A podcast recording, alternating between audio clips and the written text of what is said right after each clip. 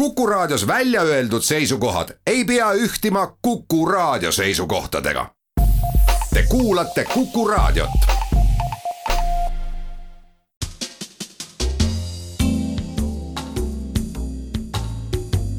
tarkade klubi tere taas, Kuku raadio Tarkade klubi tervitab häid kuulajaid aprillikuu neljandal laupäeval, kui veel suitsemas tukid eilsest jüripäevast ja on jätkuvalt meeles eile lauldud patriootilised laulud, aga mitte ainult Isamaale ja kohe väga kaugete aegade meenutuseks, millest lähemalt kirjutab pornojaamat Tasujas. eilsele kahekümne kolmandale aprillile jagus ka tähtpäevi, millest Tarkade klubigi on varem osa saanud meie parlament. armas Riigikogu tähistas eile oma saja teist sünnipäeva. paraku juba teist aastat järjest tulenevalt oludest nõnda, et tähistused jäid suurematest avalikest kogunemistest ja inimhulkadest puutumata. aga pole lugu, parlamentaarses riigis on meie seadusandja siiski meie südameis. pidagem meeles põhiseaduse paragrahvi üks, mis sätestab, et kõrgeima võimu kandja on rahvas ja paragrahvi viiskümmend kuus, mis ütleb, et rahvas teostab oma kõrgeimat võimu läbi Riigikogu valimiste. seega, olemata küll jurist, võiks põhiseadust primitiivselt tõlgendades arvata, et Riigikogu sünnipäev on ka rahva sünnipäev. kuna tulenevalt koroonapiirangutest pole võimalust olnud Riigikogu sünnipäeva tähistada Riigikogu hoones, tuleb läheneda krokodill Keena ja potsatajalikult, ehk siis tähistada parlamendi pidupäeva Eneste juures, ehk siis täna Kuku raadio stuudiotes just stuudios, sest tänane nelik mängijaid, häid rahvasaadikuid on mahtunud Kuku Tallinna suurimasse stuudiosse järgmisel moel. saatejuhiga silmsidemes on ütlemata hea meel tervitada häid opositsiooniliikmeid, riigikogu rahanduskomisjoni liiget, endist tervise- ja tööministrit ja mälumängusõpra Riina Sikkutit. tere! ja Riina paarilisena head ajaloolast, koolipapat, hinnatud giidi ja riigikaitsekomisjoni liiget Jaak Jusket. tere! mõlemad siinviibijad kuuluvad siis Sotsiaaldemokraatliku fraktsiooni ja kohe vasakul käel on istet võtnud head koalitsiooni esindajad Reformierakonna fraktsioonist hea meel on tervitada selle saate debütandina majanduskomisjoni liiget Anneli Akkermanni. erilist head-meelt tunda sellest, et meie saate geograafia on taas avardunud esmakordselt ja seda alles meie saate kolmesaja üheksakümne kaheksandaks eetrikorraks on stuudiosse ometi jõudnud esindaja Kihnu saarelt. ja väga hea meel on alati tervitada riigikaitsekomisjoni liiget, kõige muu kauni hulgas ka Ukraina kasakate registri medaliga auhinnatud priitahtlikku päästjat ja lõkketoitudest nii mõndagi teadvat Madis Millingut. tere! tore, et olete meiega ja loodetavasti siis saab ees ka rõõmus teadmisterohke tund ja selle tunni sisustavad kümme küsimust järgmistel etteantud teemadel. parlamendid ja nende suurused, parlamendihooned, poliitikud, ökonoomika ja vaaria küsimuste autorid on täna Kivimäe kooli ajaloo ja ühiskonnaõpetuse õpetaja Margus Pillau ja Ingliranna patrioot Enno Sivadi. alustame ja anname avavaliku õiguse parlamendis pisut vähem esindatud erakonna, sotsiaaldemokraatide esindajatele. Riina Jaak, palun. äkki alustame hoonetest? ma oleks sama valinud oh,, meil on hea klapp. kahe tuhande kolmandal aastal leidsid ühe riigi parlamendihoone ehitusloo uurijad unikaalsed dokumendid. Prantsuse päritolu arhitekti Auguste de Montferrandi joonised ja need kinnitasid otseselt kõikidele ammugi nähtaval olevat fakti, et kõnealuse hoone silmatorkavaim arhitektuuriline element ühe teise maailma maa teatud kindlalt tuntud ja märgiliselt ehitiselt nii-öelda oli maha viksitud ühesõnaga, tolle kõrge koja kavandaja Monferrandi juba teostatud projektilt viisakalt öeldes lihtsalt laenatud millise riigi seadusandliku võimu asupaik ja millise paljudele eestlastelegi tuttava kuulsa hoone pealt, kaheosaline küsimus. väga hea küsimus, peab olema siis tuntud hoonega eestlaste jaoks mm. -hmm. Prantsuse arhitekt, millisel lähedal asuval parlamendihoonel siis või?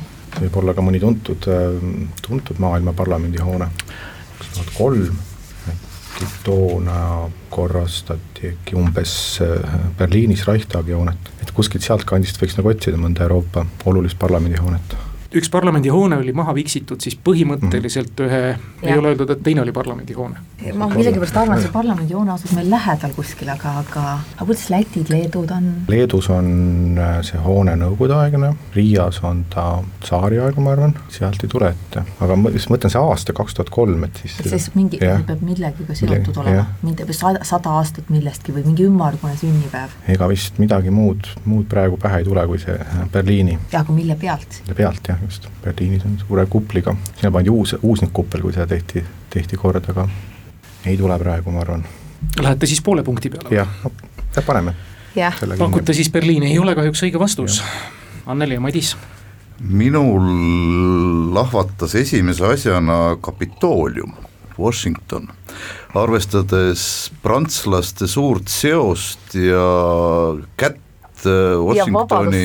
ka. Washi-, no vabaduse sammas on midagi muud, aga ütleme, prantslaste sellist suurt äh, kätt ähm, Ameerika ülesehitamisel peale iseseisvussõda ja see lause, et ees, ka eestlastele väga tuntud, noh viimased sündmused Kapitooliumil tõid ka selle eestlase teadvusesse selle, kui ta seda maja veel polnud iial näinud, aga, aga mille pealt see oli mul praegu lihtsalt selline välgatus, ega siin ei pruugi mingit tõde olla sees, Anneli? kui selline suur äh, kuppel meelde tuleb, siis mulle meenub kõigepealt äh, Vatikani see jah, mulle ka Vatikan. Sikstuse kabel. Sikstuse kabel, kui suurtest kuplitest jutt tuleb.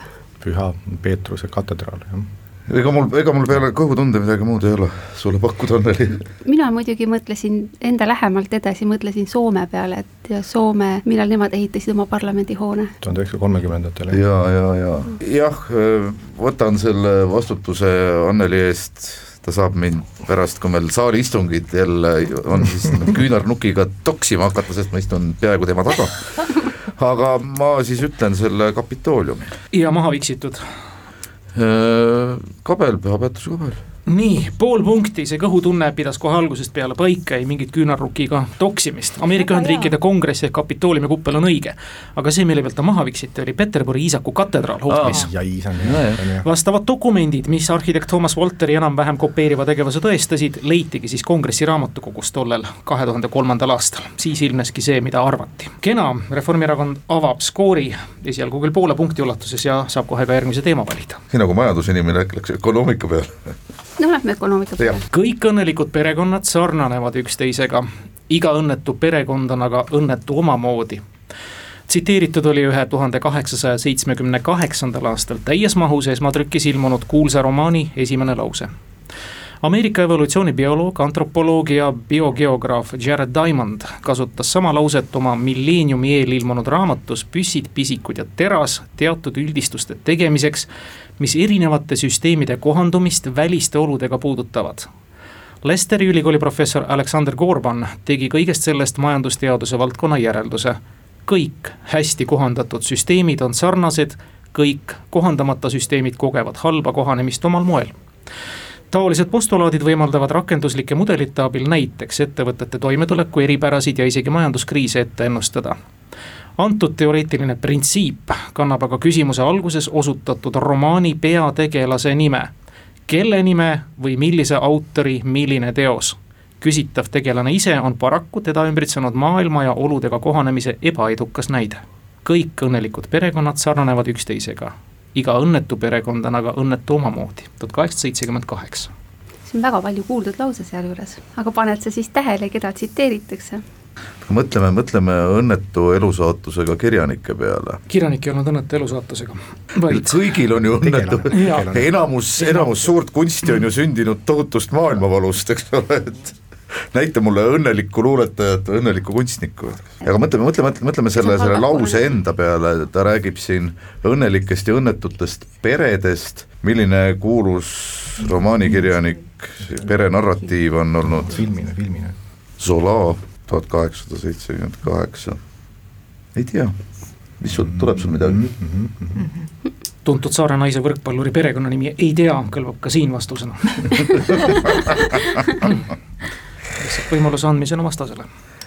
Eh,. ega ju jah, ega, ega siin, siin ei, siin ei tuleta ka kuidagimoodi, siin tuleb isegi mingi majandusprintsiip tema nimeline. ei, no vaata, see on see, et see on see lause, ega ta siin, siin ei ole nagu mingit majandusprintsiibi kuningast juttu, eks ole, lihtsalt on võetud see lause, et kõik õnnelikud pered on õnnelikud ühtemoodi ja õnnetud omamoodi, see tsitaat, mida siis hiljem on igasugused majanduse mudeldajad olul-, hästi palju tsiteerinud, aga see lause originaalis on pärit sellelt kirjanikult. peategelase järgi oli see mm -hmm, majandus, majandusprintsiip nimetatud. just. lase nüüd peast kõik majandusprintsiibid läbi, mida sa tead ma ei tea, neid printsiipe nimetatakse tavaliselt, ma ei tea, Keynes ja Friedman ja noh, nende leiutajate nimede järgi, et, et selle kirjandusteose peategelase järgi mul nagu ma ei tea, Adam Smithi Nähtamatu käsi ja ta on nagu mina ei tea, kas ma ei mõtle seda välja. tulistame midagi puusalt või anname vastasvõistkonnale võimaluse? anname võimaluse. anname võimaluse.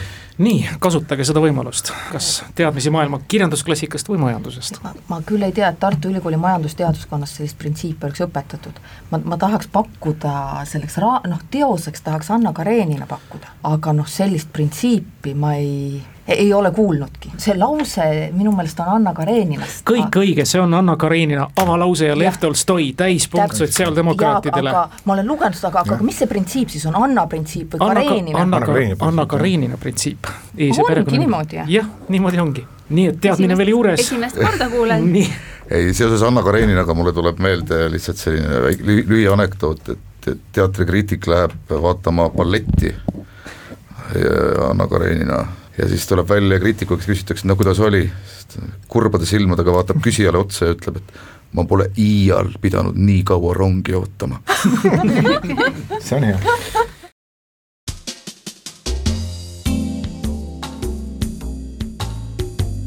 tarkade klubi aga palun, Riina ja Jaak, tehke nüüd oma valik. mis sa tahaks, poliitikuid? jaa, proovime. proovime poliitikuid. nii, ühe maailma suveräänse riigi praegusel territooriumil on kunagi sündinud ühe teise suveräänse riigi kaks presidenti ja kolm peaministrit selle esimesena mainitud riigi praegune president on rahvusest, mille hulka ka teisena mainitud riigi presidendid, peaministrid kuuluvad. millised need kaks riiki on? Tegemist ei ole omavahel muide naabritega, need asuvad koguni erinevates maailmajagudes. erinevates maailmajagudes? jah, noh, see on, ütleme siis üks riik on hiljem ise, iseseisvunud võib-olla ja siis sealt on, on tegemist kolooniaga võib-olla, mis on saavutanud iseseisvuse ja sealt on siis tulnud see teise maa juhid. et sa mõtled siis pigem nagu, et äh, näiteks Aafrika riik ja kuskilt mujalt midagi või? noh, see võib olla nüüd üks variant jah kui sa ütleme, eks ole, sünnid, siis sa saad ju ühe maa kodakondsuse, eks ole, aga ta on kuidagi saanud selle noh, teise riigi presidendiks. kaks presidenti, kolm peaministrit, need seos, seosed peavad ikka päris hästi tihedad, jah. jah, oota, rahvusest olid või? et mhm. selle ja need, eks ole, need on, ütleme, sündinud selles ütleme siis nii-öelda noh, teises riigis, need hilisemad presidendid ja peaministrid. ja, ja läinud siis välja sinna teise riiki. just mm. -hmm. see on iseenesest kumma-, väga paljud ei lubavad riigid sellist, et kui sa ei ole sündinud riigis, et sa, et äh, riigi valitsemise juurde. sealt on tulnud neid ridamisi, see peab olema üks väga noh, väga hea koht prantslaste kohta ja. meil juba küsiti, ma, ma, ma ei usu seda. sa arvad, et ei ole prantslased, jah? ei, ma küll ei tea, et nad oleks kuskil väga, väga mujal sündinud aa, ei, ei, ei, ma mõtlen, et prantslased, kes on, valitsevad mõnda te teist riiki, saavad riigivalitsuse või siis britid. jah, noh, eks ole, kaks suurt kunagist kunagist koloniaalvõimu. kuule, aga kuidas Ladina-Ameerika riigijuhtidega on, kas seal on kõik kohalikud või, ei tule sul kedagi ette? peast niimoodi ei tea küll esimese, esimese hooga. aga äkki on tegemist äh, Venemaaga, aga seal, seal neid presidente pole väga palju olnud. esimese hooga ei tule praegu ühtegi hiilgavat mõtet. no kui Euroopast otsida, siis äh, võiks tulla kõne alla Prantsusmaa. et nii-öelda noh, Prantsuse tänased, tänased juhid on kuskil mujal sündinud, kolooniates. aga jah, ei tule, ei tule praegu muud Prantsusmaa, ei ole see õige vastus, nii et elimineerime Anneli ja Madis. esimene seos, mis mulle pähe välgatas, on Iisrael. vaata kõik noh, Iisraeli riik, millal loodi, eks ole, ja kõik või enamus neist ju sündinud Saksa kodanikena. aga nad ei ole sakslased ju. no maailmajad on erinevad, eks ole. minule tuli kõigepealt muidugi meelde see Lõuna-Aafrika Vabariik, vaata seal on kuni viimase ajani olid ju valged. et siis seos Hollandiga või? näiteks, sest mm. see ei ole ju väga kaua aega, kui Nelson Mandela sai. no Lõuna-Aafrika Vabariigi seos Hollandiga on ikka, jääb ikka väga kaugetesse aegadesse. Nad on juba, arvavad, et nad on sündinud juba seal. jah, aga ma ei tea, miskipärast ma arvan selles Iisraelis kinni, sest kui me meenutame ikkagi veel seitsmekümnendaid, siis kõik, kõik praktiliselt ju riigi, tollase riigi juhtkond oli ju sündinud Saksamaal. aga ma ei ole muidugi endas kindel ja see, see, et nad ei asu asuvad suisa erinevates maailmajagudes, see on ka selline asi, mis mind siin, sinnakanti mõtlema lükkab. kas Ladina-Ameerikas ei ole niisuguseid suuri, näiteks Tšiili on väga suur saksa rahvastikuga riik, Lõuna-Ameerikas. ei no selles mõttes jah, noh, sakslased tegid seal ilma ja ehitasid Pinochetile armee üles, aga, aga riigi juhtkonda sakslasi kuulunud ei ole. jah, ma arvan, see peab olema üks uuema aja riik, mis on siis nagu saavutanud iseseisvuse. või tekkinud. või tekkinud hiljuti, nii et eh, emamaa nagu võim on seal nagu jäänud juhtima. no kui sa kasutad väljendit emamaa, siis me hakkame kohe nagu kolooniatest rääkima, eks ole. ma arvan küll, et kolooniatest peaks rääkima, sellepärast aga... et muidu teisest rahvusest äh, nagu aga... inimesi nii palju ei satu nagu teise riigi juhtkonda kolooniate iseseisvumine, esimene kõige suurem laine oli peale esimest maailmasõda ja siis ka mingil määral peale teist maailmasõda. kas me Nõukogude Liidu lagunemise pealt ei saa mingit seost? nojah. ma, nojah, maailma jao, jagude piir jookseb ka sealt vahelt läbi muidugi. Euroopa, Aasia. Euroopa ja Aasia, jah siis ongi kaks varianti, et siis nagu kitseneb, et kas sinna Iisraeli või siis äh, Aasia poole peale, võrreldes Venemaaga. no nagu kes reaalselt. neid igasuguste stanide presidente ja peaministreid teab, eks ole, et aga mida rohkem mõtled, seda rohkem tõmbab nagu kõva ketas hanguma. Tule taevas appi pakume ära midagi, ma ei tea, ah äkki Angela Merkel on juut ei saa vastusest kõnele tagasi ka anda. -hmm. ma olen olnud nii palju juba arutelu kuulanud. nii, tulistame esmase pähe tulnud mõtte, Kapitooliumiga läksid äppi. ma ei tea, mina vist pakuks seda Lõuna-Aafrika seda. ja teine riik teine siis Holland. no pakume siis, usaldame naisterahva vaistu ja Lõuna-Aafrika Vabariik ja Holland. vot, ei taha seda kuidagi välja öelda nii ilusas seltskonnas, et ei tasu alati naisterahva vaistu unustada ikkagi Iisraelil õige ja teine riik muide Ukraina, mille Ukraina. kohta me küsisime, Iisraeli peaminister, presidendid Itzhak Ben-Zvi ja, ja Efraim Katsir ja peaministrid Moshe Sharret, Levi Eshkol ja Golda Meir on sündinud praeguse Ukraina vabariigi aladel tollases Vene impeeriumis mm. -hmm. tema ainuke naisvalitsusjuht Golda Meir tuli küll Kiievis ilmale üles kasvas aga Pinskis praeguses Valgevenes. ja kümnest senisest Iisraeli presidendist seitse ja kõikide kaheteistkümne peaministri sünnikoht või vanemate päritolumaa ongi tegelikult kas Poola, Ukraina, Valgevene või Leedu, ehk siis Vene impeeriumi osaks saanud kunagine Žetšpošpolita. ja muide, Ukraina riigijuht Volodõmõr Zelenskõi ema on juuditar, seega siis juutide poolt vaadates kuulub näitlejast president nende hulka, millele Zelenskõi mõnes oma avalikus selleteemalises sõnavõtus on ka, ei ole üldse sellele vastu vaielnud, kinnitades, et ta on juudi perekonnas sirgunud olnud. see on esimene küsimus, mis jääb vastuseta ja te saate valida, Anneli Madis. teen ettepaneku valida vaaria Ja. küsimus kõlab, Tenno Sivade on selle autor. esialgu eeldati, et kõik selle rühma liikmed peaksid olema naissoost ja hästi leebe olekuga. samuti pidid nad olema blondid ja atraktiivse välimusega. tõsi, hiljem imbus nende hulga ka meessoost tegelasi ja isegi brünettidel polnud enam keelatud sellesse rühma kuuluda mõni neist, sealhulgas kaks kuulsamat, pidid oma ladinapärase ja aristokraatliku nime muutma lihtsamaks. kusjuures üks neist sai omale tõlgitud nime, teine aga täiesti uue nime, millel polnud vana aristokraatliku nimega mingit pistmist, aga seevastu riimus ta teisega väga hästi. milliste nimedega need kaks kuulsaks said ja see, et see küsimus püstitub just täna, kaksteist päeva pärast ühte olulist juubelit, pole juhuslik Püharistivägi krüptiline küsimus, jah. see oli ikka kirjeldamatult krüptiline.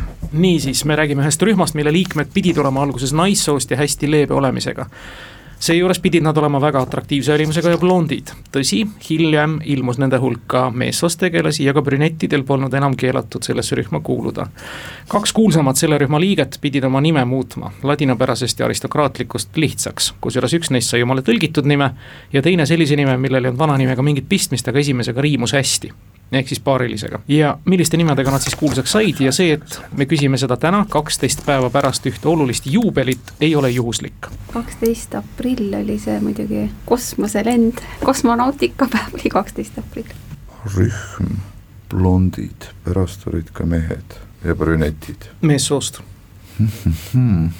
tead, mis mulle pähe tuli esimese asjana või, kõhutunde pealt? noh mulle tuli pähe film Džässis ainult tüdrukud mulle tuli ausalt öeldes ka tantsutrupp silma ette. mis asi?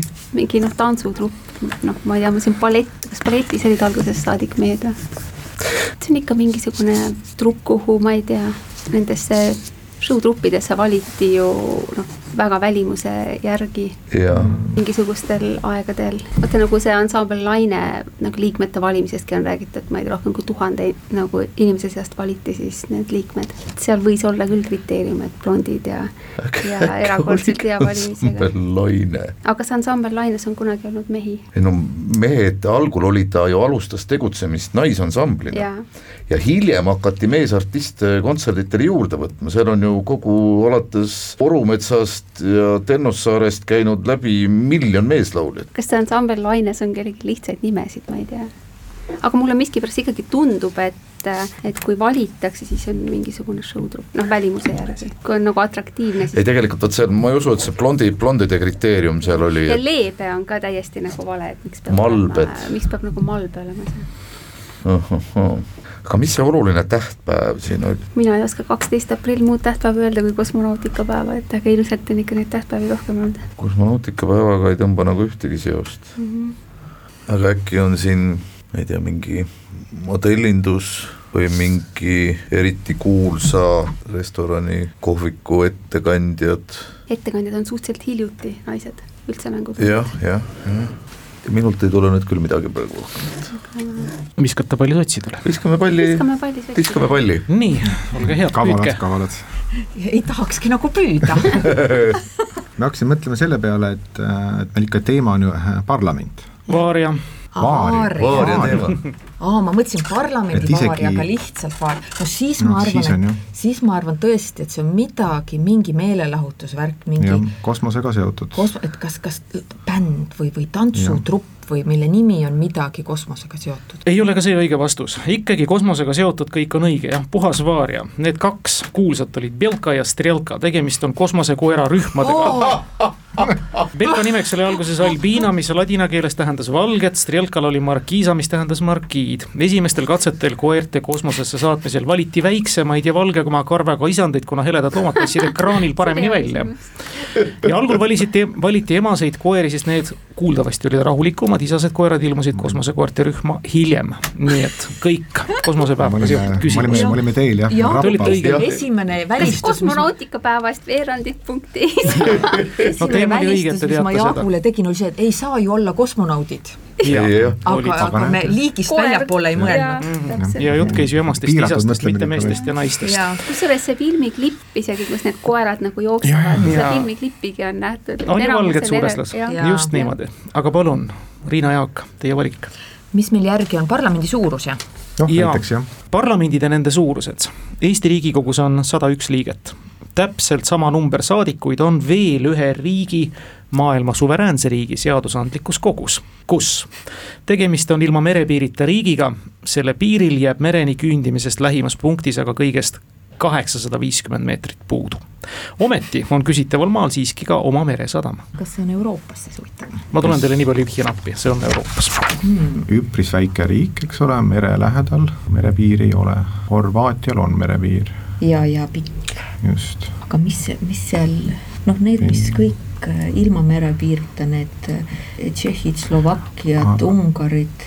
aga näiteks Montenegro, mis seal on, Balkanil on niisugused väike, väikeriigid, kus võiks olla ka enam-vähem meiega võrdne rahvaarv. kas Montenegrol ei ole merepiiri mitte? Montenegrol ei ole minu arust merepiiri, tuntumad maad see kaheksasada viiskümmend, see nagu viitaks, et ta on merepiirita, aga ta asub, paikneb mõne teise riigi sees või, või kuskil. tal on nagu mere, tal on ka meres sadam, oli vist või? jah, tal on meresadam mm. -hmm. no pakume Montenegro. Montenegro võiks olla, mõtleme korraks veel, äkki on veel mingisugune muu variant, et mille peale esimese hooga ei tule Austrias olla ei saa, Tšehhi-Slovakkia, nende kõik, eks ole, kõik on, kõik, on kaugel, kõik on kaugel merest just, see on kääbusriik. ei no kõik need Luksemburgid, Liechtenstein, need on ka kaugel, need on kaugel ja, ja, ja ma unustasin selle kaheksasada viiskümmend ära. aga see, no see Balkan on nagu väga kuum selle sadama siis ikkagi te, mõni teine riik on pidanud ju äh, talle noh, nagu lubama, võimaldama. peavad olema head suhted siis või mingisugune leping vanasti oli meil äh, äh, Poola see, kes tahtis saada mere, merele juurdepääsu. Poolal on see merepiir praegu pikem, jah, meil tuleb see Montenegro ei ole Montenegro, Anneli? minu mõte hakkas Anneli teab kindlasti kõiki mereriike. jah, minu mitte mereriiki küsisite ju, ega ma mitte mereriike ei teagi. mereriigid saab välistada. mis mulle esimesena pähe lõi, on Andorra. kas Andorra on kaheksasaja viiekümne meetri kaugusel merest, ei ole ju? minu arust on kaugemal, ta on kõrgel. kaugemal jah. aga see, mina ikkagi hakkasin ringi käima mõttes ümber selle Musta mere, vaata kui tuleb sealt Türgi, siis on Bulgaaria ja siis noh, ütleme Ukraina ja seal vahel on, kas seal vahel on Moldova või? ma annan punkti ära, see on Moldova, Moldova tõepoolest, Moldova riik, sada üks parlamendisaadikut, ma juba ja. mõtlesin, et aitan teid Erki Savisaarega edasi, tema on Eesti-Moldova sõprusrühma esimees ja. Riigikogus, vaatasin teist neljast ei kuulu keegi sinna. silmitsesin kaarti selle koha pealt hiljuti. nii, aga tõesti. sa rehabilit-, rehabiliteerisid praegu Iisraeli. merele lähim punkt asub Dnestri ehk Dnistru jõe suudmealal asuvast limaanist põhjas, kogu limaani põhjarannik jääb siis napilt Ukraina territooriumile, aga Moldova verevärav Džurdžulesti paikneb aga sada kolmkümmend neli kilomeetrit eemal Donau jõe ääres, kus kõnealusel riigil, seal oma lõunapoolsemas punktis, niisiis merealustelegi laevatatav sadam on. ligemale poolel kilomeetril kaldajoonel, antud siinkohal lisana toodud fakti, aga küsisime juba, nagu tähelepanelik kuulaja teab ja mäletab ühes käesoleva aasta varasemas mängus. palun, te olete nüüd napis eduseisus poolteist üks, koalitsioonisaadikud ja Anneli ja Madis valige. hakkame siis äh, sedasama rada pidi otsast pihta, et äh, parlamendihooned. parlamendihooned ja küsimus kõlab, nii nagu arhitektid või näiteks ka heliloojad teineteiselt teinekord motiive laenata võivad, nii on ka kilvaküsimuste tegemisel samamoodi. mõni nädal tagasi kõlas Kuku reede hommikuses viktoriinis Arko Oleski ja Hannes Rummu küsimus Indrek Salisele, kus ühe hiljuti rajamisest möödunud ümmargust tähtpäeva tähistanud riigi nimed teada taheti. mälumänguliidu juhatuse esimees demonstreeris järjekordselt oma lait laitmatut lastetuba, lastes talle endale kiiresti pähe tulnud õige vastuse kohta rohkelt vihjeid anda, laiale hulgale raadiokuulajatest sellega diskreetselt äraarvamise võimalust pakkuda. aga meie siinkohal laename siis Arkolt ja Hanneselt mainitud küsimuse natuke teistmoodi vihjega omalt poolt ka. niisiis, mis riigil kahekümne kuuendal märtsil oli ümmargune sünnipäev? selle pealinnas asuv moodne parlamendihoone meenutab oma stiilielementidelt kohati üsna äratuntavalt teatud Eesti ehitist ja seejuures üldse mitte juhuslikult.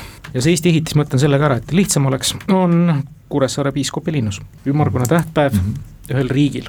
kakskümmend kuus null kolm.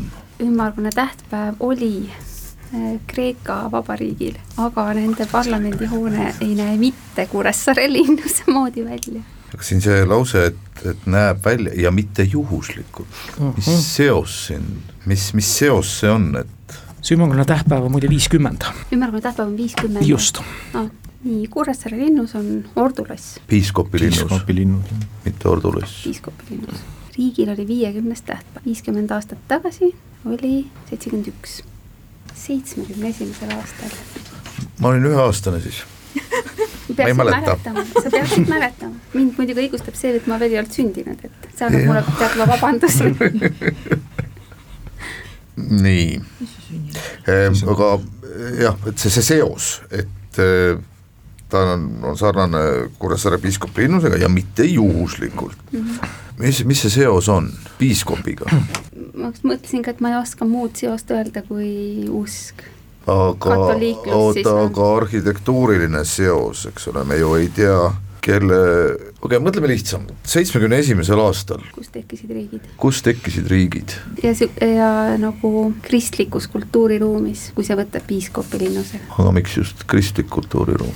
Võiks muidu ehitada piiskopi linnusega nagu seos ei pea nii ilmne olema, äkki kuskilt Aafrika riigist käis tüüp turismigrupi koosseisus Saaremaal, vaimustus, tegi foto, tegi foto, vaimustus. aga kas piiskopi linnus ei ole mõne teise linnuse vähendatud koopia? siin me räägime parlamendi, see peab olema parlamendihoone. ma aitan teid järgmisele trepiastmele selle parlamendihoone projekteeris Kuressaares sündinud ja kasvanud Louis Kahn. siis see on Aasias, ma olen seda pilti isegi näinud, et on kuidagi nagu vesi on seal ümber, et tõesti müstiline parlamendihoone projekt, Louis Kahni projekteeritud. ja mis riik Aasias? issand jumal, ta oli äsja juttu? kuule, aga kas mitte Singapuris sealkandis? on parlamendihoone, kus on vesi ümber muidugi Singapuris on parlamendil suht selline kumbi, kummitempli roll, aga hoone võib ilus olla sellegipoolest. ei, Singapur see ei olnud. Indoneesia, Malaisia, sellepärast et no mingi selle selles regioonis on tal Tai-Laose mm -hmm. Birma või selle Myanmariga kandiga ma nagu seost ei ja.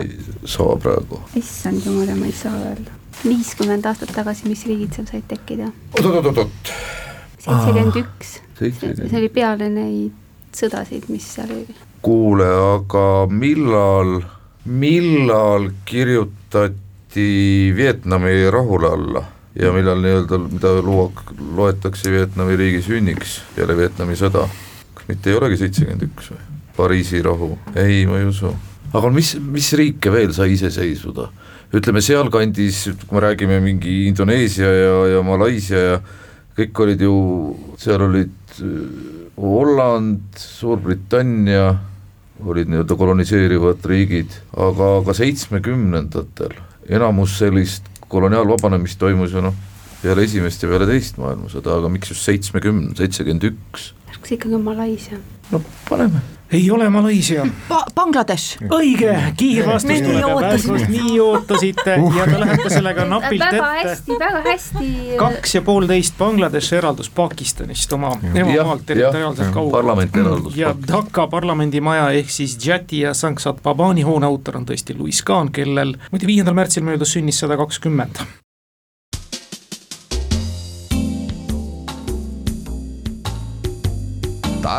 tarkade klubi. Aga palun selle Bangladeshi teadlase peale, Riina, Jaak. võtame ökonoomika siis.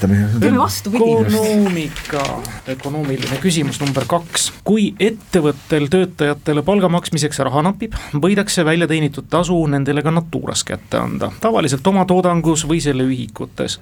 niisuguseid olukordi on kõrge inflatsioonitasemega ja samal ajal madala rentaablusega või produktsiooniga maailmaturu tasemele mittevastava väljalaske kvaliteediga tootjatega riikides ikka aeg-ajalt juhtunud. näiteks on see samuti Nõukogude Liidu majandussüsteemi lõpufaasis kohati kogetud fenomen Valgevene. Lukašenka Valgevenes, kus sotsialistlikku mudelit kavakindlalt järgitud on, Vitsepski oblasti Garadoki rajooni Stadoliša külanõukogu Ulitšitsi küla riiklikus agromajandis ehk lihtsamini öeldes sovhoosis eelpool kirjeldatud situatsioon käesoleval kevadel muide ette tuligi. mida sealsed kohalikud põllumehed enestele palgaks said, küsimegi nüüd. töödistsipliini pidevad rikkujad jäid aga karistuseks sellestki ilma üks vihje siia juurde, küsitav on näiteks unenäo sümboolikas juba vanast talurahva ajast materiaalse heaolu ja edukuse enne ehk siis mida Naturas jagati põllumeestele, põllumeestele Valgevenes. Valgevenes, Valgevenes jah ja. mis pidi neid kuidagi nagu elus, elus hoidma. ja küsitav on siis, kui unes näed, siis üldiselt tähendab see heaolu ja edukust no,. Si no, see fakt pärineb muide raamatust Mina nägi unes ja siin on Anneli Akkermäel kindlasti eelis. ahhaa, see on midagi Kihnu pärast, triibuseelik, kas tõesti? Kihnu, Kihnu unenägudes näed, siis tegelikult on see kogu Eesti rahva unenägudes nõnda mm.. mis seal kevadel eh, sovhoosis olla saab, ma mõtlesin, et äkki seemnekartulit või midagi sellist või siis kartul on üpris, üpris uus asi. või, või kombaini juppidena. vaevalt seda vanarahvas nägi asjal pole mingisugune väärtus see oli, äh, maksti kevadhooajal mm, -hmm. oli, mhm. aga see mingi loogika on, et kui sa paned midagi, selle külvad maha, siis ja, ja jah, sest sul kevadeks ei, noh, sul ei ole ja. ju midagi, mis on sovhoosis sul kevadel, no ole, oleneb, mulle need, need nimed ei ütle midagi, et äh, tibupojad või ma ei tea. aga see pidi olema juba vanarahval nii-öelda oluline asi, et see neil une mm, -hmm. unenägudes ennast ilmutas ja head ennet tähendas. unenägude koht seletamisega ei ole kunagi tegelikult, ma ei kujuta ette, et mis mhm. see, või viljaseeme kartuliseeme, viljaseeme. viljaseeme oleks kuidagi väga nagu lihtne, äkki mõtleme, mõtleme üle ja see on nagu päriselt Eestis ka olnud või? Nagu ütleb ei, Eestis ma ei tea, et oleks palka okay. makstud selles, aga. ai ei, see unenägude asi on ja, ja, ja, ja, ja see on Eesti seletustest. eestipärane asi olema, midagi, mis Eesti talus leidub järelikult. tööriistad. tead, minu, mul tuleb meelde küll, et, et siin murrangulistel üleminekuaegadel mm. tehases Marat maksti küll töötajatele palka trikotaaži toodetes, sest mhm. pappi ei olnud ja siis kogu Tallinna keskturg oli Marati pesu ja särke täis jah, aga terve traktor on palju anda, ma arvan siin, aga. ja vanarahvas vaevalt, et nägi traktorit unes. kes, ei, aga noh, kes aga, aga teab. äkki võib olla mingisugune, ma ei tea, noh, ader näiteks. ader, jagati töövahendid inimestele just. ära ja aga äkki on nii? tead, mina kalduks ise mingisuguse toodangu loomse või taimse poole, aga see tähendas unes head, head õnne? head õnne jah mm, -hmm. materiaalset heaolu. raha neile ei antud? jah, anti midagi muud. lehm hobust, hobust vaevalt, aga lehma võid anda, siga vaevalt, siga on pigem niisugune negatiivne tegelane. tuleb teha mingisugune valik meil. meil on, meil on palju, palju häid, häid, häid mõtteid. loomtaim või ader?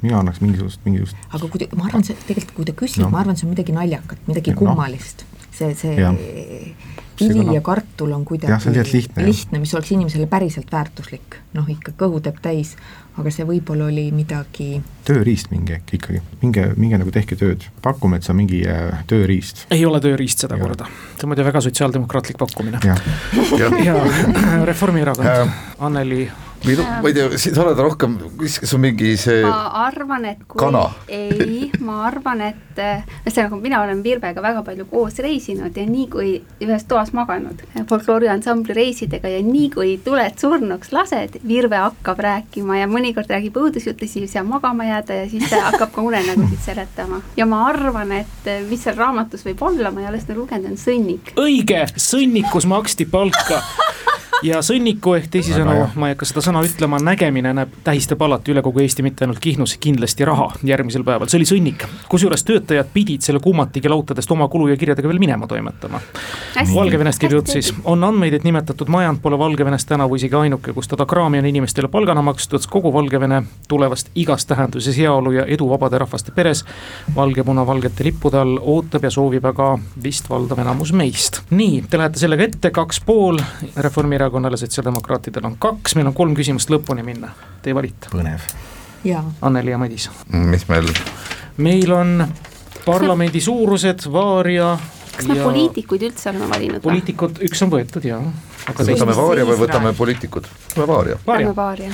kuulaja Tarmo Niinepuu küsib, Soomes on ütlus, et kui viin, saun ja meie poolt küsitav ei aita, siis see haigus tapab sinu kui saun ja alkohol ei ole üllatuseks, siis kolmas pigem on see asi on väidetavalt Väinamöineni higist ja see asi toimis veidi sarnaselt antiseptikule.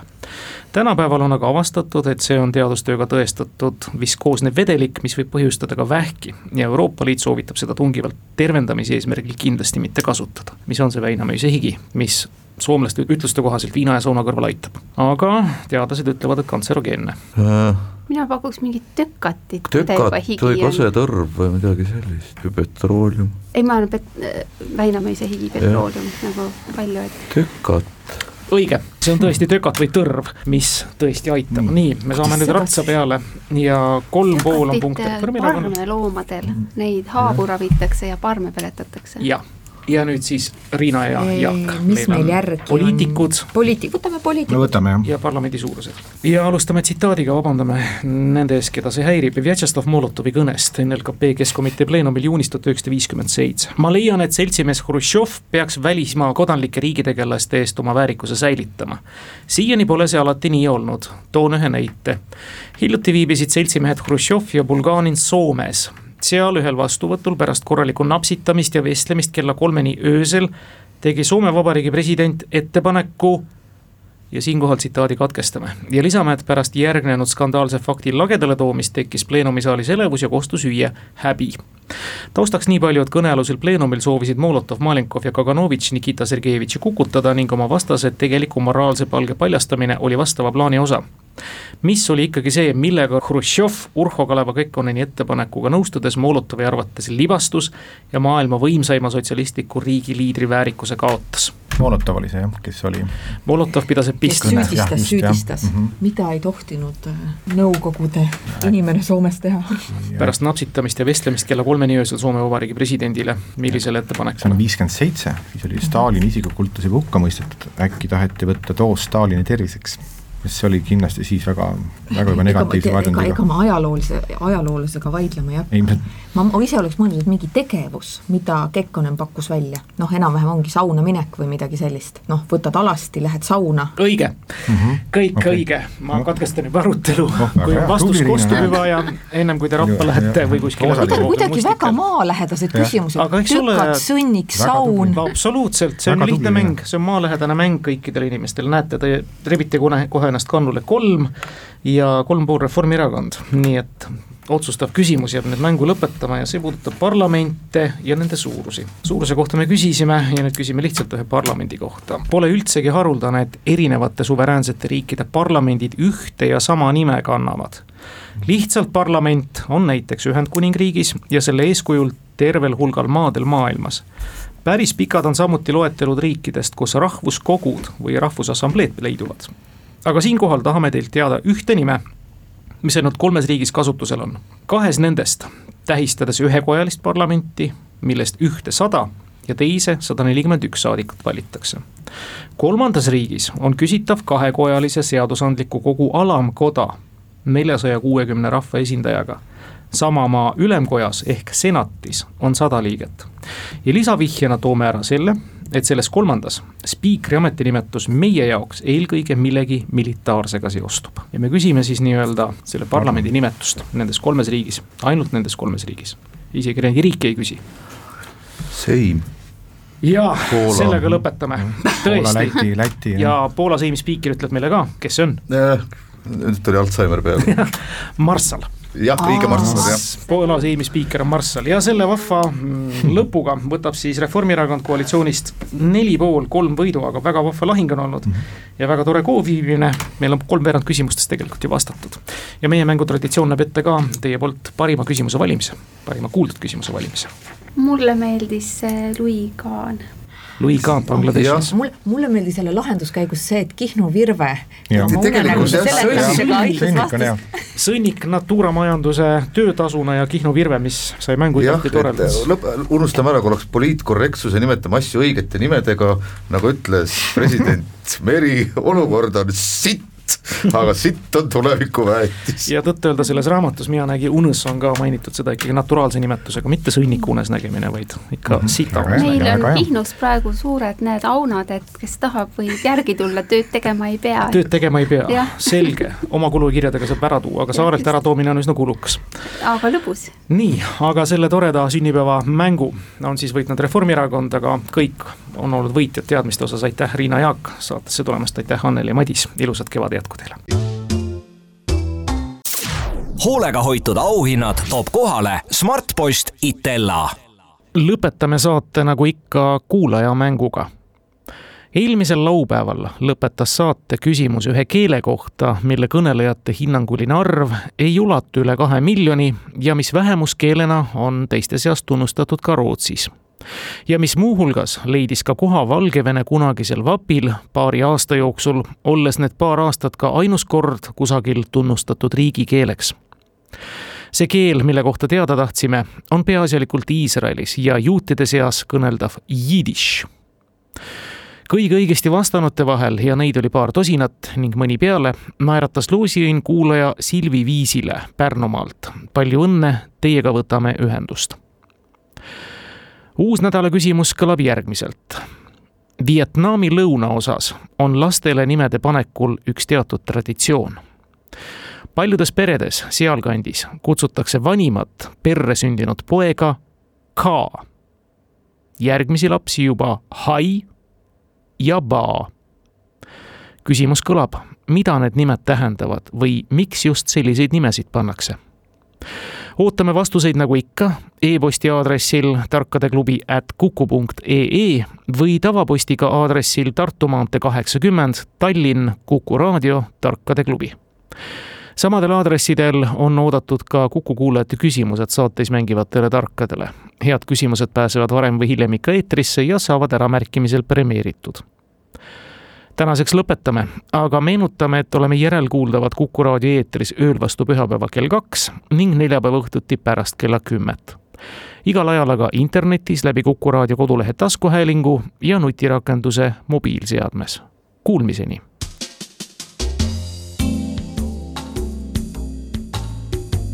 tarkade klubi